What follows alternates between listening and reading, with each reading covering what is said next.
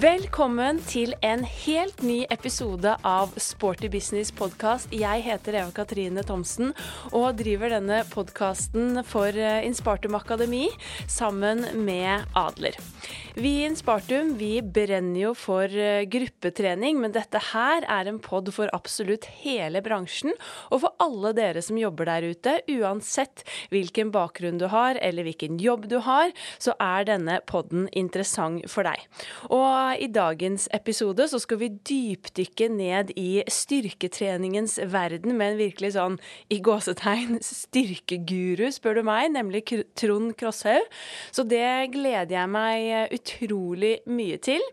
Men for dere som kanskje også er nye lyttere til podden, så vil jeg jo virkelig anbefale dere å sjekke ut tidligere episoder, for vi har masse spennende gjester eh, som har gjestet podden helt siden 2020, og alle episodene er dagsaktuelle fortsatt for oss som jobber i bransjen. Så jeg kan virkelig anbefale å bla tilbake i arkivet, for der er det mye inspirasjon å hente. Masse faglig påfyll. Og når vi er inne på dette med inspirasjon og faglig påfyll, så arrangerer jo vi i Inspartum Akademi Inspartum Boost Convention til helgen. Og det gleder jeg meg bare helt vanvittig til. Det er helt fullbooket, folk på venteliste. Det har tatt helt av. Det har vært helt bananas. Så det må jeg bare si tusen hjertelig, hjertelig takk for. Takk for tilliten, og takk for at dere ønsker å være med på vår convention, og ikke minst eh, feire at Inspartum nå fyller fem år i eh, november. Det setter jeg utrolig stor pris på. Så nå gjøres de siste forberedelsene, eh, de små detaljene, og det er nok å gjøre, for å si det sånn. Og så gleder jeg meg til jeg ser, jeg vet mange av dere i hvert fall, til helgen. Men nå fokus over på dagens gjest, nemlig Trond Krosshaug. Han har en imponerende CV og bakgrunn fra Norges idrettshøgskole, hvor han fortsatt holder til. Og det er han som eh, er gjest i eh, dagens pod og står her med min side. Så nå er det bare å glede seg til å bli bedre kjent med Trond. Hjertelig velkommen til eh, Sporty business eh, podkast, eh, Trond. Ja, tusen takk. Veldig hyggelig å ha med deg i podden i dag. Av mange flinke bransjefolk og fagfolk, så har du faktisk vært på min liste i lang tid for hvem jeg ønsket å ha med i oi, oi, oi. podden. Så hyggelig. så det er stas å være på besøk på NIH igjen i dag, og også takk til NIH for lån av studio. Så det er helt eh, supert. Eh, jeg kjenner jo deg både fra idrettshøyskolen da når jeg gikk her selv, men også selvfølgelig gjennom eh, bransjen. Men for de som kanskje ikke helt har hørt navnet Trond Krosshaug, kan du ikke fortelle litt til lytterne våre om hvem du er? Ja, altså Trond Krosshaug. Jeg har, har jobba på NIH siden 2000. Så jeg, så jeg starta Jeg har Starta egentlig eh, da som eh, bachelorstudent, eller mellomfagsstudent som det het eh, på den tiden. Mm. Og tok et hovedfag i bevegelsesanalyse biomekanikk. Starta å jobbe her i 2000. Og fikk da mulighet til, til, å bli med i en forskningsgruppe som heter Senter for idrettsskadeforskning. Så der jobber jeg fremdeles. Og det er en integrert del av Institutt for idrettsmedisin her på, på Idrettshøgskolen. Mm. Du har vært her i mange år. Veldig mange år nå. Det stemmer. Hvordan ser arbeidshverdagen din ut på NIH, da? Ja, Den er veldig variert. Eh, det er den. Det er, eh, det er jo masse forskjellige prosjekter som hun driver med. Mye undervisning, en del administrative oppgaver. Så, så ja, det er eh, å treffe masse, masse interessante mennesker. Så i går var jeg på en på en, eh, et seminar nede på Oslo OsloMet for uh, teknologi i fysioterapi. Ja. Treffer mye spennende folk og mange gode ideer og uh, potensielle løsninger på framtidens helseutfordringer. Så man, ja, det, er mye, mye, forskjellig, egentlig. Ja, Det er spennende. Men er det noen ekstra unike eller spennende forskningsprosjekter som du jobber med akkurat nå for tiden? da? Det er det. Det er innenfor en rekke forskjellige områder. Så eh, hovedforskningsfeltet mitt gjennom de siste 23 årene, det har jo vært korsbåndskader. Ja. Så vi holder på med mye studier relatert til biomekanikk og, og korsbåndskader. Altså typisk da finteteknikk, eh, hopp, landinger for håndball- og fotballspillere. Så vi holder på med mye prosjekter eh, der. Vi holder også på å utvikle nye prosjekter innenfor det som er liksom i, eh, i Det som kommer etter en korsbåndskade, altså Ja. artrose. Som er et stort problem for, eh, for mange. Enten at det oppstår som eh, i etterkant av en skade, eller det, det kan jo også være uten skader. Men det er faktisk veldig mange problemer da, som oppstår i etterkant av uh, f.eks. korsbåndskade. Så Ja. der driver vi på NIH nå i samarbeid med mange andre og utvikler uh, nye spennende prosjektideer. Nettopp. Eh, og så er jo selvfølgelig styrketrening og biomekanikk det er jo en passion. Så Ja. jeg holder på med, med flere, flere studier der. Ja. Så det er veldig moro. Du sendte meg jo noen prosjektbeskrivelser i forkant av denne Ja, podden også, og da skjønte jeg jo at her var det mye spennende på gang. Og vi kan jo lage en pod om hver, hvert studio, for å si det sånn, men vi skal jo dypdykke litt eh, ned i eh, et av de prosjektene i løpet av denne praten, da. Men sånn innledningsvis, hva er ditt eget forhold til treningsbransjen?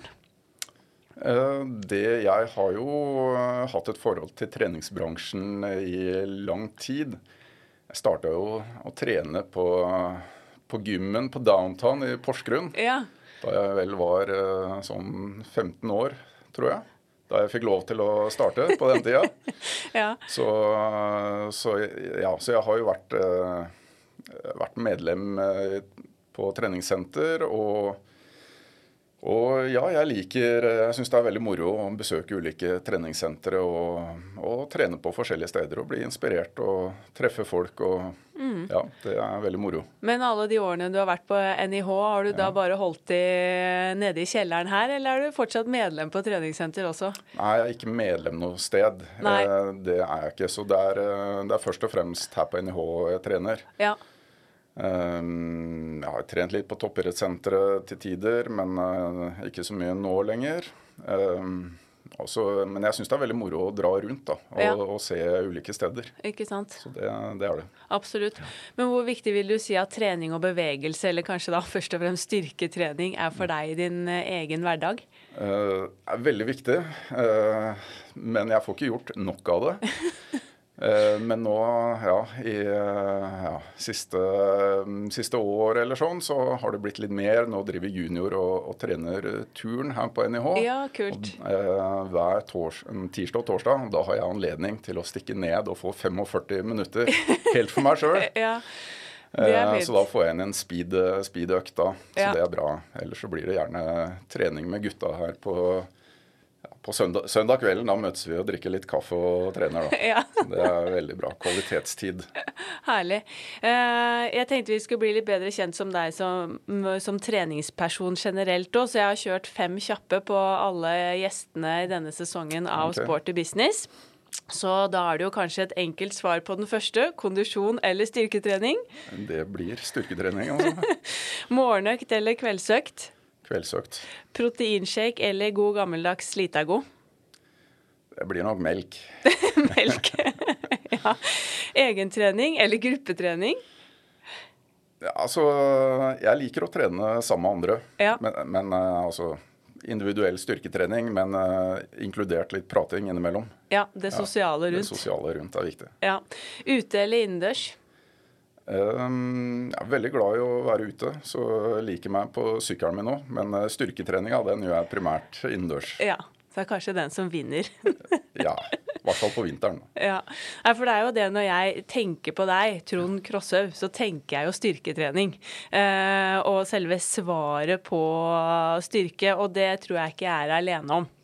Så hvis jeg nevner ditt navn for mine kollegaer i treningsbransjen, så er det jo det vi eh, forbinder deg med. Og du er jo en av de i Norge som kan også nettopp mest om dette temaet. Eh, du forsker primært på idrettsskader, som du nevnte, og da styrketrening. Og i ditt eh, doktorgradsarbeid så utviklet du en helt ny metode for å estimere leddvinkler fra videoer av skadesituasjoner, mm. som jeg da har lest nå brukes over hele verden av forskere forskere. Og det her er jo utrolig eh, imponerende. Kan du ikke fortelle litt om hvordan den ideen eh, kom til, og hva dette egentlig går ut på? Ja. Uh, jeg fikk jo egentlig en utfordring da, da jeg starta som, uh, som, Altså etter hovedfaget starta jeg som uh, assistent, vitenskapelig assistent på, på Senter for idrettsskadeforskning. Mm. Da ble jeg presentert med en utfordring. Hei, Trond. Vi har, vi har mange videoer av korsbåndsskadesituasjoner korsbåndskadesituasjoner som vi har prøvd å analysere eh, bare ved å se på det. Men vi lurte på kan det være mulig å kvantifisere hva som faktisk skjer i disse situasjonene. For det, nå sitter vi bare og gjetter på hva som skjer. Ja. Eh, så da måtte jeg kaste meg rundt da, og prøve å tenke gjennom ok, hvordan kan vi klare å få til dette her.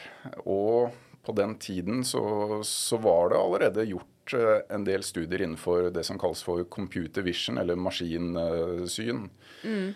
Eh, som, som, er mye mer aktuelt i dag, som jeg faktisk jobber en del med i dag også. Mm.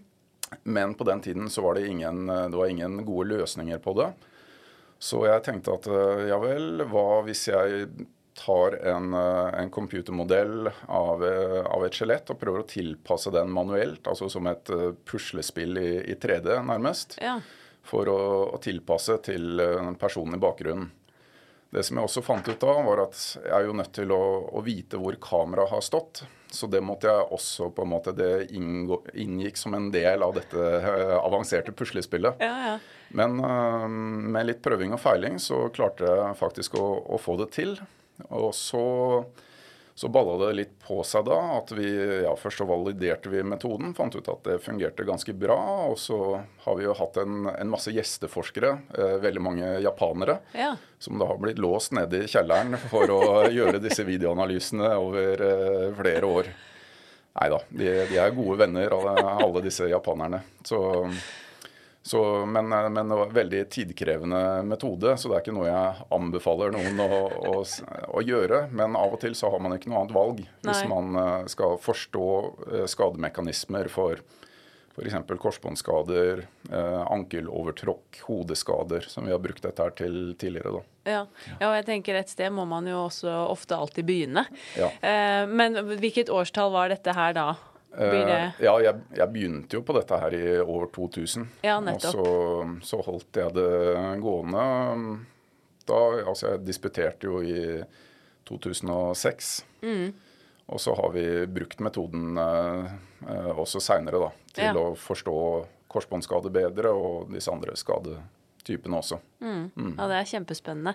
Eh, men du er jo også gründer av ja.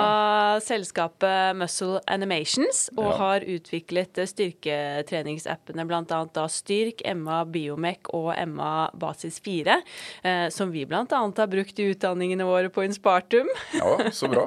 Veldig bra. Så ja, jeg har satt veldig stor pris på ja. flere av de appene.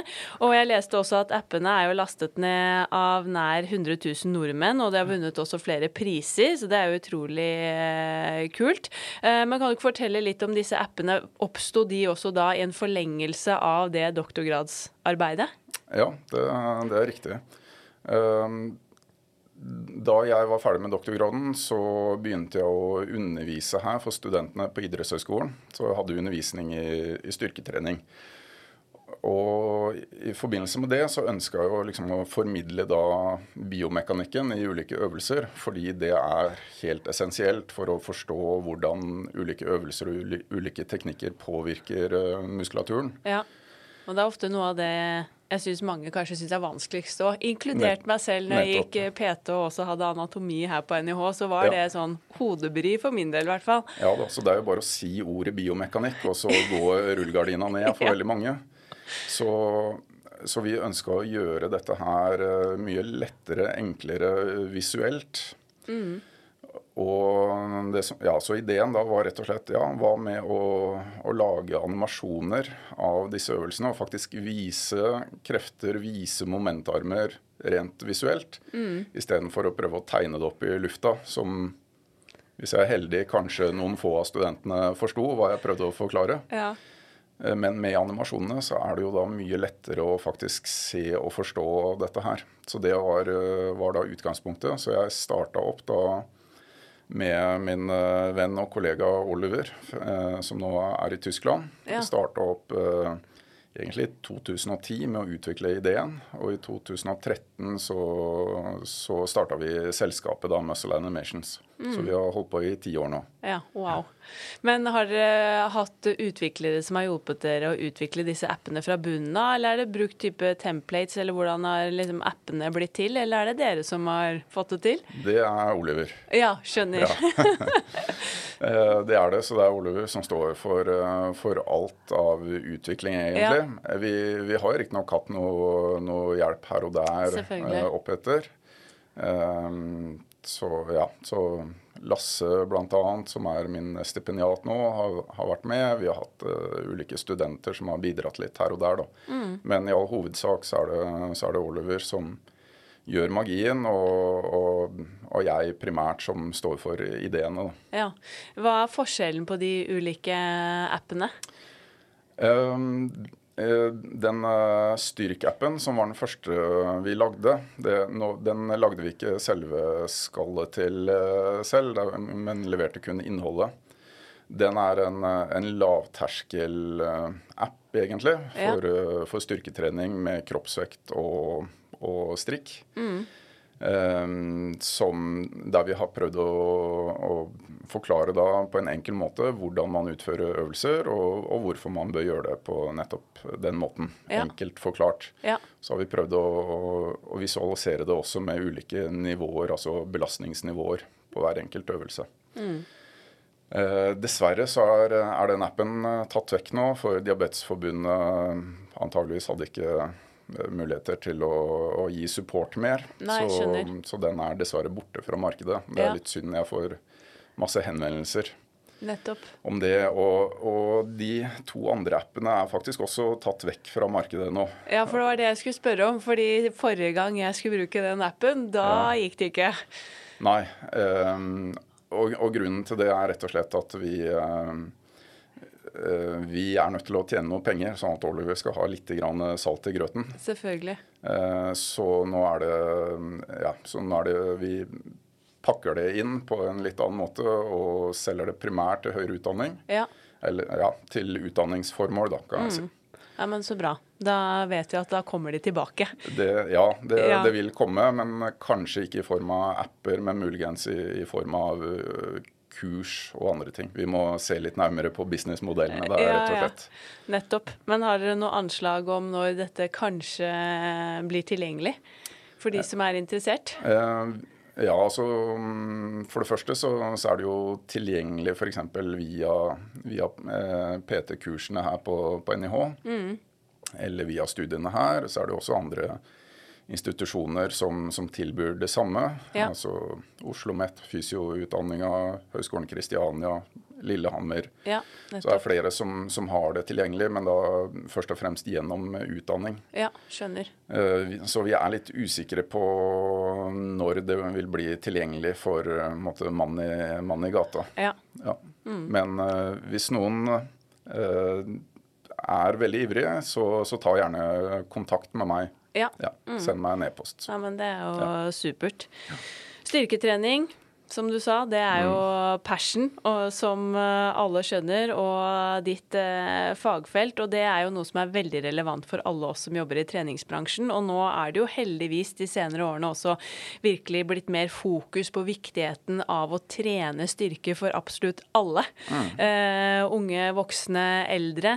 Vi vet hvor eh, viktig uh, det er, og det er jo også nå kommet inn i disse anbefalingene for aktivitet. Så bør jo eh, f.eks. da voksne, eh, så står det jo det. De bør gjøre øvelser som gir økt muskelstyrke til store muskelgrupper minst to ganger i uken. Mm. Så det er jo eh, kjempeviktig. Så jeg tenker at eh, det er jo dette vi skal dypdykke litt mer ned i nå. Styrketrening.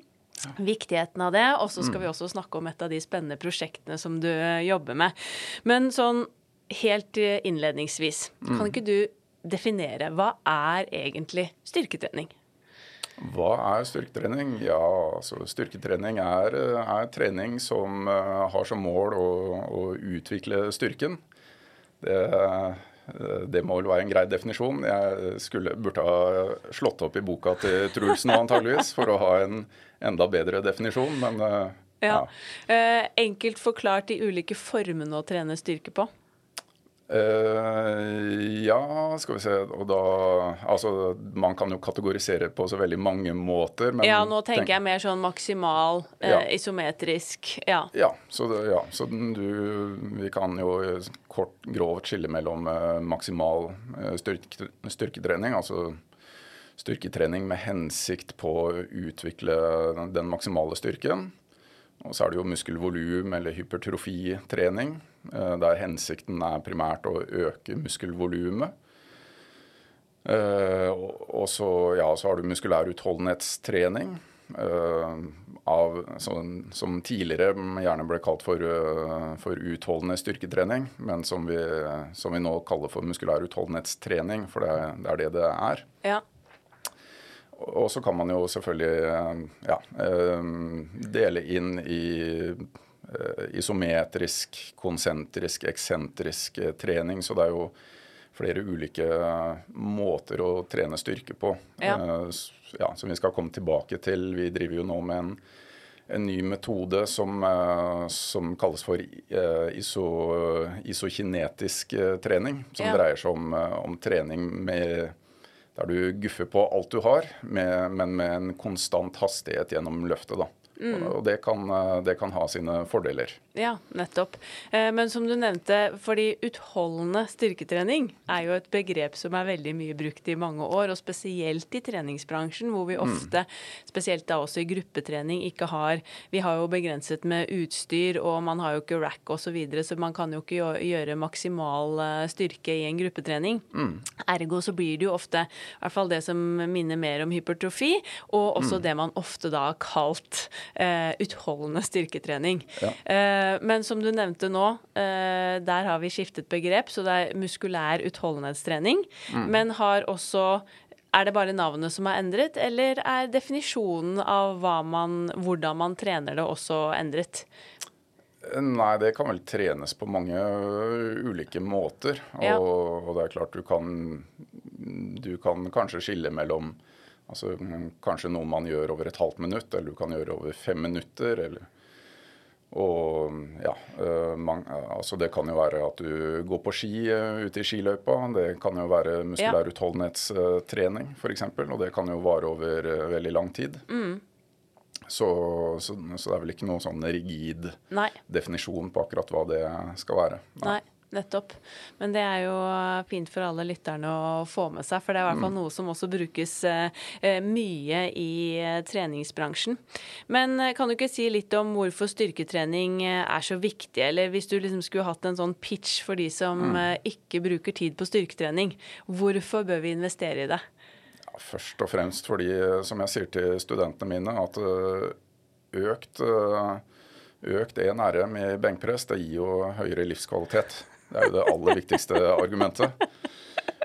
Men uh, hvis man tenker mer i sånn folkehelseperspektiv, så er det klart at det blir mer og mer uh, klart, uh, mer og mer evidens for at styrketrening er medisin. På lik måte som også utholdenhetstrening er det. Men vi ser at styrketrening har stor effekt på en rekke av de, av de ulike folkesykdommene. Mm. Eller livsstilssykdommene. Ja. Så diabetes f.eks. er et eksempel på der man ser at styrketrening har en, en stor og viktig effekt. Mm. Uh, vi vet jo også uh, viktigheten av styrketrening for, for, eldre. Både for å utføre ulike funksjoner, for å kunne klare seg sjøl, for å unngå fall, som jo er ekstremt uh, viktig. Et mm. stort folkehelseproblem. Og som du nevnte her tidligere, så er det jo sånn at styrketrening Jeg mener at styrketrening det er ikke noe man skal vente med til man blir 14 år. Styrketrening er noe som man skal gjøre gjennom hele livet. Ja. Og man ser jo fra en baby er nyfødt, så begynner jo styrketreninga da med å, å, løfte hodet og krabbe rundt. Så det er jo ekstremt viktig for, for hele mennesket at vi, at vi, driver med styrketrening. Får, får, muskler som er sterke nok til å kunne utføre de funksjonene vi, vi trenger. Enten i dagliglivet eller om vi driver med noe idretter, f.eks. Mm. Når man er sterk nok, så kan man på en måte utføre ulike teknikker på en hensiktsmessig måte. da. Så, ja. så, alle bør drive styrketrening på en fornuftig måte, selvfølgelig. Absolutt. Og selv om det kanskje er for spesielt interesserte å føle lykkerus og at livet blir bedre av å sette ny rekord i en RM i benk, så tenker jeg jo også at det er jo litt sannhet i det. For bare den følelsen av å føle seg sterk, mm. eller den mestringsfølelsen det kanskje gir eh, på, når, når, du er på trening, da, så er jo også det en viktig del av det, faktisk. Ja. Det er, veldig, det er veldig moro å se her. Vi har jo, vi har jo studenter på ulike nivåer i, i bachelorprogrammet vårt som har eh, eksterne kunder. Og den gleden både studentene selv har av å se at, at kundene blir sterkere mm. Eh, og ja, får, bedre, får, bedre, helse, og kundene selv, hvordan de opplever dette her. Det er jo mange ansatte på, på idrettshøyskolen som er med på, på dette opplegget også. Ja, ja.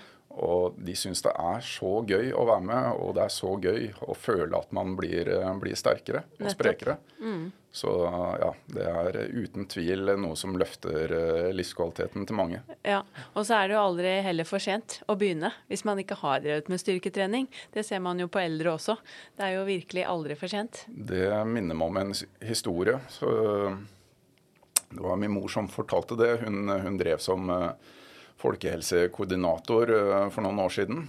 Eh, og da, da, var hun rundt på ulike institusjoner og, og fortalte om eh, viktigheten av trening, og at det er aldri for sent å begynne å trene. Mm. Og, og da, var det, da, var det, en dame på 95 som sa at ja, men da venter jeg litt til, da. Nettopp. Så det er forskjellige perspektiver på det der. Ja, ja, ja, selvfølgelig. Men hvor viktig vil du da si at også styrketrening er for skade, eller for, som skadeforebyggende trening, du som har forsket så mye på skader? Mm. Det er, det er, veldig, veldig viktig. Altså, vi har noen helt fantastiske resultater i forbindelse med forebygging av hamstringsstrekk, f.eks. Ja. Som jo er et stort problem i idretter som, som, fotball. Og vi ser da at de som gjør eh, øvelsen Nordic hamstrings, mm. de som gjør det, kan, kan, ta vekk to av tre skader. Altså man reduserer eh, skadeincidensen med 66% Nettopp med å gjøre tung eksentrisk styrketrening. Så det er helt fantastisk effekt, rett og slett. Helt fantastisk. Mm. Og til alle dere fotballtrenere der ute, så vil jeg bare si det er ingen grunn til å, til å tenke på dette her. Ingen grunn til å være bekymra for at, uh, at, spillerne deres kanskje kan bli litt støle dagen etter. Det kan de kanskje bli. Men uh, for all del, implementere Nordic Hamstring som en del av, av treninga. Det ja. vil spare det, eh, laget ditt, spillerne dine, for mange mange skader. Mm. Ja, og for eh, å si, vanlig mosjonisten eh, mm. så tenker jeg også at styrketrening er kjempeviktig. Bare personlig så har jeg jo kjent på det gjennom mange år, hvor mye mindre vondter jeg har, eller skader jeg har dratt på mm. meg når jeg har vært flink til å prioritere styrketrening i tillegg til da jeg som har mye gruppetimer. Alt fra dans og yoga og hopp og sprett. En enormt stor uh, forskjell. Og jeg tenker det er jo mange som sliter med disse stive nakkene, vonde skuldre osv. Jeg har slitt mye med skulder selv. og nå, altså det å faktisk klare å trene seg ut av smerte, og det, i hvert fall for min del så har jeg jo merket det at jeg har jo klart å liksom trene meg fra å ha enorme smerter og vondt til at det faktisk har løsnet og blitt bedre. Men jeg tror det er mange som kvier seg selvfølgelig også når man kjenner på at det er veldig vondt. Mm. Eh, så er det jo kanskje også vanskelig å komme i gang med styrketrening, men jeg tror for mange, også spesielt sånne som sitter mye foran PC, altså mye av de smertene i skulder, nakke, rygg, hadde fått enormt mye igjen for å faktisk trene opp styrken i hele overkroppen. Definitivt. Eh, ja, vi ser eh, mange eksempler på nettopp det, og bl.a. fra de eh, eksterne kundene våre. da. Så, mm. så det, er, det, er, veldig moro å, å, få de tilbakemeldingene der. Nettopp de tilbakemeldingene. At wow, nå har jeg ikke vondt lenger. Nei, det er akkurat det.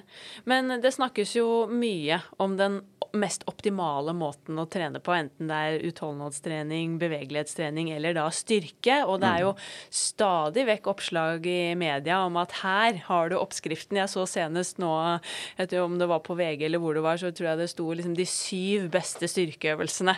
Ja. Og da tenkte jeg igjen, nå får vi en sånn eh, det, det var vel også fra en på NTNU, med en eh, oppskrift for hva er det mest optimale. Mm. Men finnes det en fasis, eller fasit for den beste styrketreningen? Eh, det er i hvert fall ingen Jeg har ikke sett noen fasit uh, foreløpig. Nei, det er, det er, interessant med styrketrening at det ser ut til å være veldig mange metoder, mange tilnærminger, som, eh, som fungerer veldig bra. Mm. Så det Og det er jo for så vidt fint, da, for det betyr at nesten hva du gjør, så lenge du legger innsats i det, så vil du få gode resultater. Nettopp. Men det er klart desto høyere nivå man kommer på, desto viktigere blir det å, å optimalisere treninga si. Ja. Men for det, for det, store flertallet er det liksom bare å, å gjennomføre trening med sånn rimelig kvalitet, så vil du få veldig gode resultater. Ja. Jeg blir veldig glad for at du sier det. For uh, jeg blir jo litt frustrert når det f.eks. da leser i media om den nye optimale måten etter den andre. Mm. Og for de som ikke vet, så blir man jo ofte veldig låst i nettopp dette. Og så syns man kanskje ikke det verken er gøy eller at det fungerer for en selv. Og så mm. ender man opp med å droppe å gjøre noe fordi ja, men det er jo ikke det som er mest optimalt, eller disse trenerne sier at du bør gjøre det ene eller det andre. Men jeg tenker jo også at for i hvert fall alle de menneskene vi stort sett møter på treningssentrene, som er den vanlige mosjonisten, så er det det viktigste at de finner noe de trives med, så de kommer til å gjøre det i lang tid. Om det da er styrketrening i gruppe i studio, om det er utendørs eller om de er med et uh, idrettslag eller hva enn det er, om de trener på egen hånd, så er jo det det viktigste og for dem mest optimalt. Men som du nevner for en idrettsutøver, så bør vi jo begynne å kanskje å pirke liksom helt ned i detaljene på om du mm. skal mm.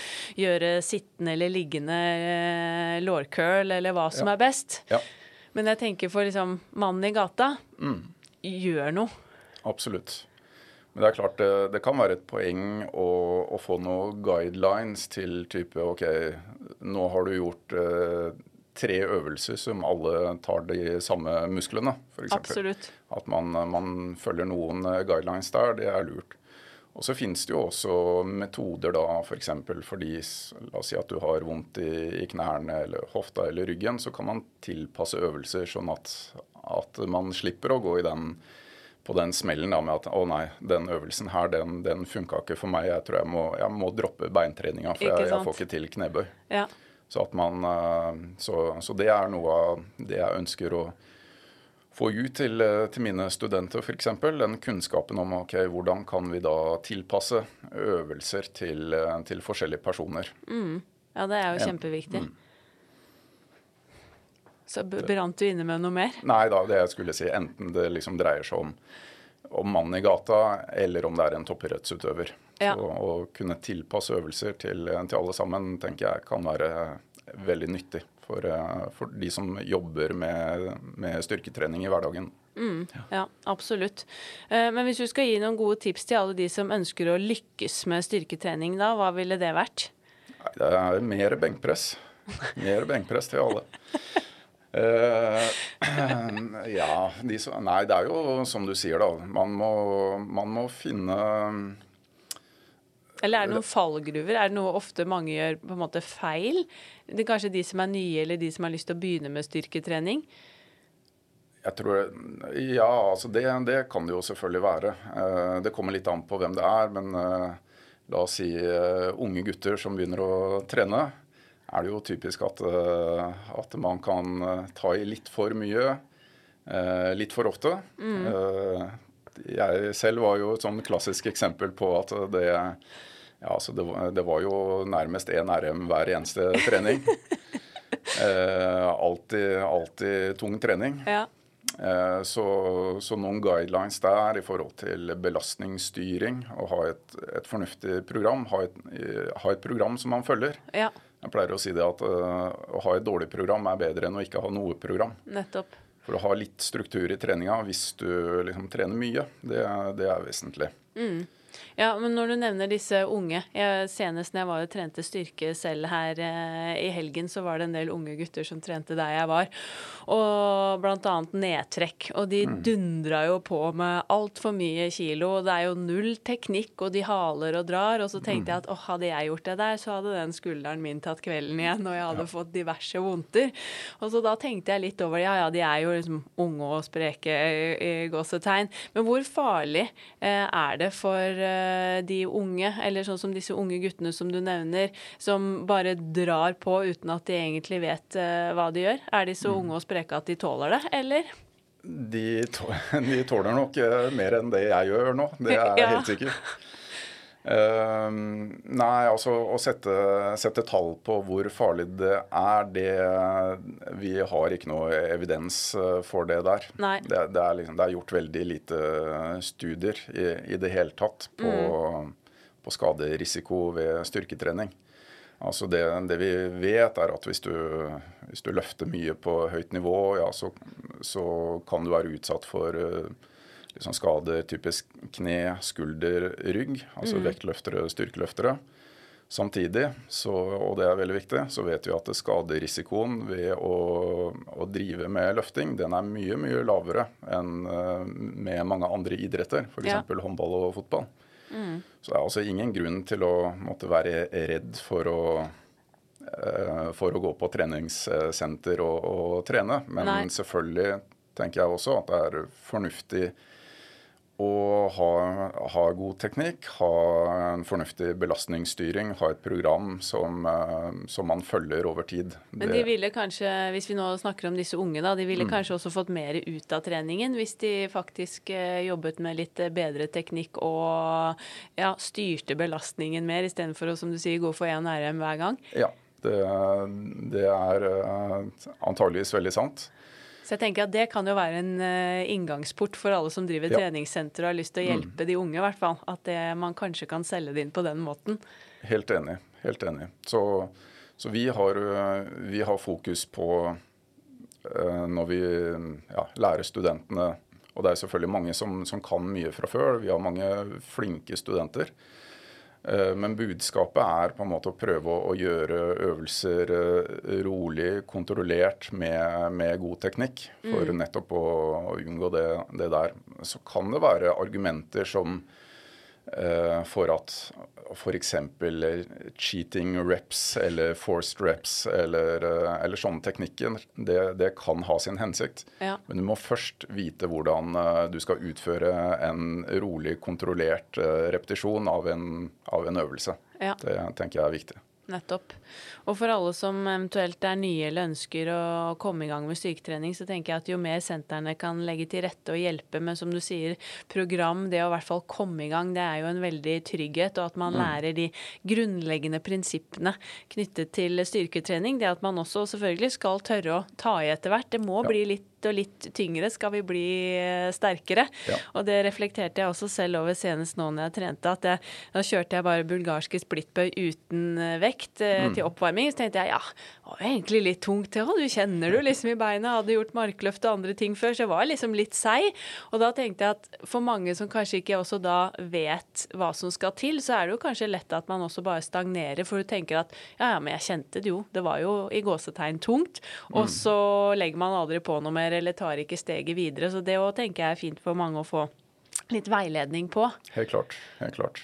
Det tror jeg er lurt. Men er det noen sånne gode tips du kan gi oss som jobber som enten instruktører eller personlige trenere når det gjelder å legge opp styrketrening? Er det liksom noen helt sånne enkle retningslinjer eller eh, generelle tips? Mm. Ja, det, det, er det jo. Så jeg tenker det er eh, altså det er jo fornuftig å prøve å, å, å, trene kroppen, altså musklene, de store muskelgruppene i kroppen balansert.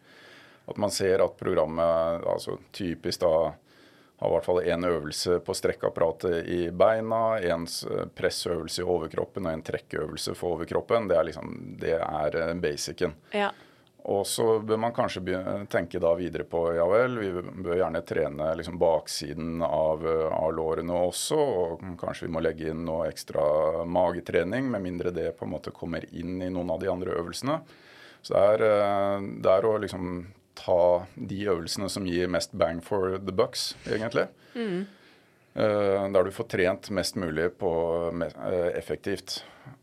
En, en annen ting som jeg kanskje vil trekke fram, det er på en måte noe av den jeg vil kalle litt eh, gammeldagse filosofien med å eh, La oss si at man trener to dager i uka. Da er det ikke fornuftig å ha én overkroppsøkt og én beinøkt. Nei. Da man bør prøve å få inn minst to økter eh, på alle muskelgruppene hver uke. Ja. Altså i henhold til eh, de nye retningslinjene som du, som du nevnte tidligere. Mm, det, det, det, vil gi mye bedre resultater enn en sånn, et splittprogram der du trener overkroppen og beina én gang i uka bare. Ja. Mm.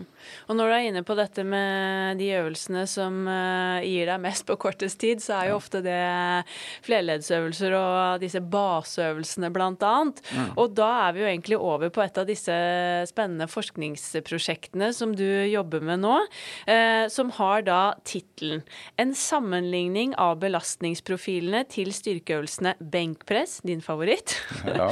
knebøy og bentrekk utført med frivekter, mm. Luftbasert og elektromagnetisk motstand. Og når jeg leste det, så tenkte jeg wow, dette høres jo veldig spennende ut, men så skjønte jeg egentlig ikke helt hva det betyr, heller. For hva i all verden er luftbasert og elektromagnetisk motstand, f.eks.? Ja, øh, dette Ja, det er jo litt sånn uh, Altså, det er jo teknologi som har funnes uh, en stund, men det begynner å komme mer og mer innenfor konsumermarkedet. Og vil sikkert komme inn mer og mer på ulike treningssentre også, vil jeg tro. Sånn at vil bli Dette er noe som, som jeg regner med at folk flest vil få tilgang på etter hvert. Ja. Og, og, det selges allerede apparater liksom for, for, hjemmetrening. Vi har et sånn apparat som vi, som vi tester ut i denne studien her. Eh, så, så, dette studiet er rett og slett Vi, vi, vi sammenligner hvordan eh, altså kraftutviklinga i ulike deler av bevegelsesbanen Eh, med disse forskjellige eh, apparatene. Da. Mm.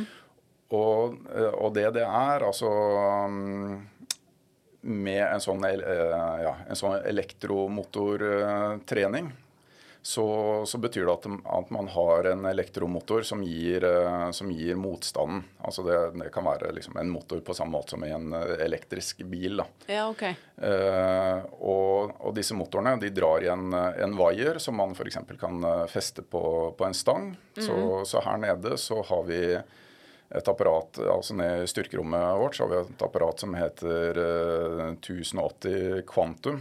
Eh, der min kollega Ola Eriksrud er en av gründerne ja. i dette selskapet som, som, selger dette utstyret.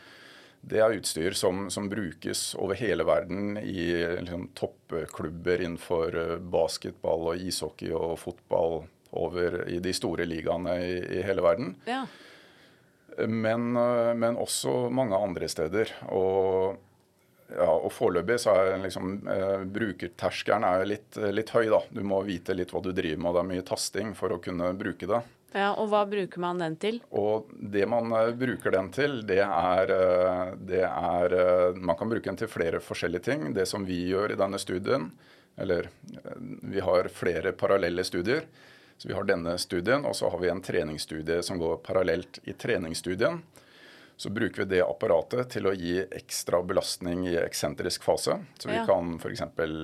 Ja, det vi gjør, er å legge på 10% ekstra i forhold til den gruppa som trener tradisjonelt. Hvilken øvelse gjør de da? Eh, de gjør eh, knebøy, benkpress og biceps curl. Ja.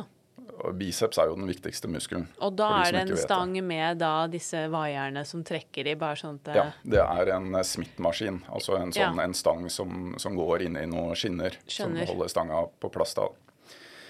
Um, og ja, så I den konsentriske fasen så løfter man såkalt isokinetisk. Og isokinetisk, eh, som jeg nevnte i stad, det betyr at stanga går med en, en gitt hastighet som vi programmerer på forhånd. Nettopp. Og som vi vet da, hvis, eh, hvis, man løfter veldig tungt, da går stanga sakte. Og da kan man utvikle også mer, mer kraft. så vi, vi kan ja, vi kan modulere da innsatsen eller, eller krafta, hvor tungt dette blir, med, hvor, med hastigheten på stanga. Ja. Men uansett så vil det være sånn at de som løfter, de, de gir jernet fra, fra bunna og hele veien til toppen. Og den, eh, En stor fordel med dette apparatet det er at man utvikler mye større kraft i toppen av et løft kontra man, det man kan eh, gjøre med en eh, vanlig stang med vekter på. Ja. Og det har en, en stor fordel for, for alle idrettsutøvere f.eks. Det vil være hensiktsmessig å være sterk i toppen av et, av et løft for de som skal hoppe og løpe fort og, og ja, stå imot, bremse ned. Mm så, så, er dette veldig hensiktsmessig. Så, så, vi, gjør, ja, så vi tester nå f.eks. vertikale hopp da, i etterkant, forkant og etterkant av denne studien. Sammenligner effekten av tradisjonell trening mot f.eks. denne eh, elektriske baserte motstanden. Ja. Så det, det, blir veldig spennende å se resultatene der. Ja, det er kult. Ja. Men luftbasert motstand, da, hva er det? Uh, ja, så uh, mange Eh, kjenner kanskje til Keiser-apparatene. De fins jo rundt omkring på en del treningssenter. Ja. Så der er rett og slett eh, kompressorer eh, som, ja, som, som gir luftmotstand, rett og slett, som et alternativ til til tradisjonelle vekter. Mm. Og den, den, store fordelen med den er kanskje først og fremst når det begynner å gå Når man løfter på litt lettere vekter. Ehm, F.eks. hvis man vil simulere la oss si, et tennisslag eller golf eller ishockey. Eh, noe i, den, i, den stilen der, eller man ja. ønsker å gjøre liksom, litt raske repetisjoner, så vil det være sånn at tradisjonelle vekter de, de vil jo akselerere i starten, og så vil de fly av seg selv etter ja. det med luftmotstanden så har, du, så har du ikke den ulempen da, med at eh, belastninga forsvinner når du først har eh, akselerert på vektene. Skjønner. Så det er kanskje, kanskje den store forskjellen. Men vi, vi, tester nå med litt tyngre trening for å, for å sammenligne kraftprofilene der også. For å se hvordan den legger seg i forhold til tradisjonelle vekter og, og denne elektrobaserte maskinen. Ja, Men i det prosjektet som jeg nevnte da, i forhold til dette med benkpress, knebøy og bentrekk, gjøres ja, benktrekk. Altså roing. Ja, det står bare jeg som leser feil her, ja, vet du. Benktrekk. Um, når dere gjør dette da, gjør man alle tre øvelsene med de tre ulike eh, motstandene da? Eh, ja, i uh, dette biomekaniske eksperimentelle studiet så gjør alle Altså da har vi 15 uh, 15 forsøkspersoner som gjør alle de ulike øvelsene. Så de kommer inn på, på fire forskjellige dager da, og, så, og så kjører eh, benkpress, knebøy, biceps i, i, alle disse ulike apparatene. Så vi, ja. har, vi, har, fire ulike apparater der. Ja, skjønner. Eh, I treningsstudiet der er det sånn at uh, vi, har, uh, vi har tre grupper. Vi har en kontrollgruppe og så har vi to intervensjonsgrupper. Eh, I de to intervensjonsgruppene så er det én av gruppene de trener isokinetisk knebøy. Den andre gruppa trener og tradisjonell eh, benkpress.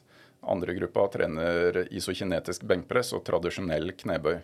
Nettopp. Uh, ja, og så har vi isokinetisk uh, eh, biceps curl på Jeg tror det er på, på benkpressgruppa. Så det ja. har liksom overkroppen. Ikke sant. Ja. Ja, Spennende. Men hva er liksom hovedhensikten med det prosjektet eller eh, disse studiene? Eller liksom hvor langt har dere kommet, eller hva vet dere eventuelt så langt? Nei, Det er å, å forstå bedre egentlig optimal uh, trening, og rett og slett se om noen av, av disse nye treningsformene altså ikke nødvendigvis nye, men, uh, men i hvert fall treningsformer som, som, kommer til å komme mer for, for hvermannsen. Da, om, uh, i hvilken grad de eh, vil være bedre enn tradisjonell trening. Ja. Uh, og ja, så Vi tester jo både, både styrke, NRM-styrke, vi tester muskelvolum, og vi, vi tester uh, hoppfunksjon, da, vertikal hopp. Mm. Nettopp. Vil du si at dette er mest verdifullt for en uh, toppidrettsutøver og liksom øvre sjiktet, eller har det mm. samfunnsverdi også? Uh, det er litt uh, Ja, det er et fint spørsmål. Og det er jo lett å tenke at dette her er kun for den ypperste eliten som har, som har noe utbytte av dette her. Jeg tror faktisk at, at eh, Ja, jeg kan si først at alle som, som er med på dette her, de syns det er veldig moro. Ja. Og de syns at wow, åh, jeg, fikk, jeg, jeg, trente her med en, eh, en, kamerat her om dagen som fikk lov til å Så masterstudenten min spurte om ja, har du lyst til å komme og, og prøve dette her. Ja, ja. Og så, så, var det da Knut Halvor som var, eh, som var borte og, og testa det ut. Og han sa etter etter et par serier åh, beina mine skjelver så mye at jeg nesten ikke kan gå. Så, så dette her er eh, ja, det er noe som, som, tydelig virker, har en litt annen effekt. I hvert fall sånn tilsynelatende. Mm. Eh, og så er det så alle de som er med, de syns det er veldig, en veldig fin form for uh, trening. Mm. Så det at man kan ta i maks hele veien, men uten at det er Du får ikke nødvendigvis den samme impacten i bånn som det du gjør fra tradisjonell knebøy. Nei. Det er litt mer skånsom i bunnposisjon. Og for oss som har passert 50 og har sånn litt skranglete knær, så er det en ganske god følelse. Men er den også mer skånsom da med tanke på liksom eh, trøkket du får på skulder, øvre del rygg, litt sånn den kompresjonsfølelsen man også nei, kan få? Det, nei, det er tvert imot. Eh, okay. for, for, for, der, Ja, for der trekker det ja, skikkelig. Det, der, ja. Så, men igjen, da. Det kommer an på hvor mye du tar i selv. Nettopp. Så med andre ord, hvis du kommer til et punkt i bevegelsesbanen der du kjenner å, dette var ikke så behagelig, så kan du ta det med ro der. Og så kan du ta i andre deler av bevegelsesbanen. Ja, skjønner.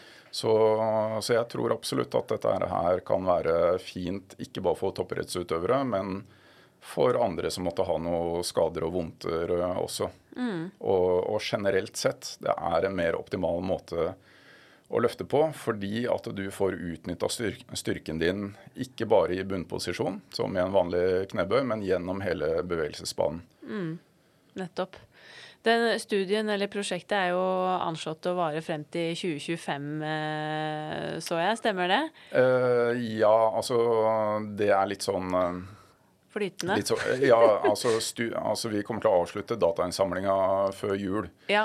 Så det er, eh, det er, eh, fordi altså, disse godkjenningene må vare litt lenger, sånn at vi har tid til å prosessere data, skrive artikler, få de publisert osv. Eh, så det er, det er årsaken til det. Men dere har jo da fortsatt litt igjen på datainnsamling, bl.a. Ja, det har vi. Eh, men hvis du på en måte skal hva skal jeg si, ta av deg forskerhatten, eh, mm. og så bare få lov til å gjette, hva tror du at dere kommer til å sitte igjen med, eller hva tror du dere kommer til å se? Mm. Um, altså jeg, jeg, trenger ikke ta av meg forskerhatten for å, for å gjette, for vi har jo noen hypoteser da i, forkant av dette her. Ja. Og, og, det som jeg gjetter på, det er at, at de som, som, løfter med i den isokinetiske med eksentrisk overload, vi har på en måte designa den sånn at, eh, sånn at vi, vi, tror at det er mer optimalt enn den tradisjonelle treninga. Mm. Og både litt, eh, litt pga. den eksentriske overloaden, men primært fordi at man kan ta i gjennom hele bevegelsesbanen. Ja. ja. Jeg også tenker jo at det høres ut som om det er mer optimalt. Ja. Men, eh, men, vi vet jo ikke, da. Så det er jo en del av forskninga. Det blir spennende å, å se hvordan dette slår ut. Helt klart. Mm. Men når vi snakker da tradisjonell knebøyle her hvor det står frivekter, da jobber dere med stang? Ja. ja. ja. Så det er eh, vanlig knebøy, ja. rack og stang? Ja. Ja, nettopp. Ikke sant. Men uh, er det noen andre ting som har uh, hva skal jeg si, overrasket deg så langt i den studien, eller noe annet som dere har oppdaget uh, så langt? Nei, nå, vi har jo ikke begynt å se på, på resultatene enda. Så, ja, så det er litt prematurt å, å, gjøre det. Jeg kan jo si at det er positivt overraska over hvor, hvor moro folk tilsynelatende syns dette er. da. Ja. Altså det er, det er, jo tungt, selvfølgelig. Man må ta i hardt. Men det er en litt annen måte å, å løfte på. Det føles litt annerledes. Mm. Så, så det, det, tenker jeg er moro. Og ja. masterstudentene som, som, driver med dette her, de trener jo som bare det mellom eh, forsøkspersonene. Syns at det er kjempegøy. Vi kjøper et apparat selv og har på soverommet. Ja, nettopp. Det er kult. Men vil du si at det er mer skånsomt? På en måte også, å trene ja. det, enn å f.eks. lesse opp på denne stangen på ja, i, tradisjonell primært knebøy? I, primært i bunnposisjon så føles det mer skånsomt. og vi, altså Fra pilotdata så ser vi også at du, at du får ikke den kraftpiken som du får fra en, fra en vanlig stang. Nei, nettopp. Mm. Mm. Det blir uh, spennende å følge med. Når tror du at noen resultater blir publisert? Eh, masteroppgavene de, eh, de, forventer jeg skal være ferdig i, i slutten av mai neste år. Ja. Så, og de vil jo bli tilgjengeliggjort eh, der. Så de som er interessert, de kan søke opp via biblioteket på NIH. Da, da vil de publiseres typisk en gang ute i juni eller juli eller noe sånt. Ja, ikke sant. Ja. Kult. Herlig. Eh, vi kunne jo stått og snakket om styrketrening eh, lenge, vi. Men vi skal Absolutt. begynne å runde av. Jeg tenkte jeg også hadde lyst til å høre litt med deg hvordan du ser på treningsbransjen som en arena for eh, folkehelse. Altså hvordan mm. tenker du at vi mestrer den jobben i dag? Nei, ja, jeg tenker det absolutt er en, en, arena per i dag. Men jeg tror at potensialet er jo veldig mye større. Mm. Så jeg, eh, ja, jeg ser at eh, det begynner å bli eh, mer politisk vilje for å, for å, bruke trening som medisin. Mm. Eh, både, ja, altså både, som medisin, som erstatning for medisiner, men også forebyggende. At man kanskje begynner å, å få åpnet øynene litt mer for hvor viktig dette er. Mm. Eh, og vi vet jo at det, vi står overfor en enorm utfordring med alle de gamle som, uh, som, kommer nå. Det blir en boost, en boom, av, ja. av eldre.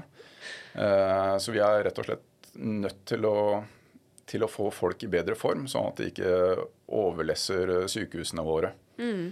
Så det, det, tenker jeg blir ekstremt viktig. Og ja, treningssenterbransjen har en viktig rolle der, det tenker jeg absolutt. Sett utenifra, er det noe du tenker bransjen kunne gjort bedre for å kanskje klare å favne bredere? Eller tror du det vil eh, være andre arenaer som skal til for å få flere folk i aktivitet? Jeg er helt sikker på at, eh, at alle de ulike arenaene kan, eh, kan gjøre ting enda bedre.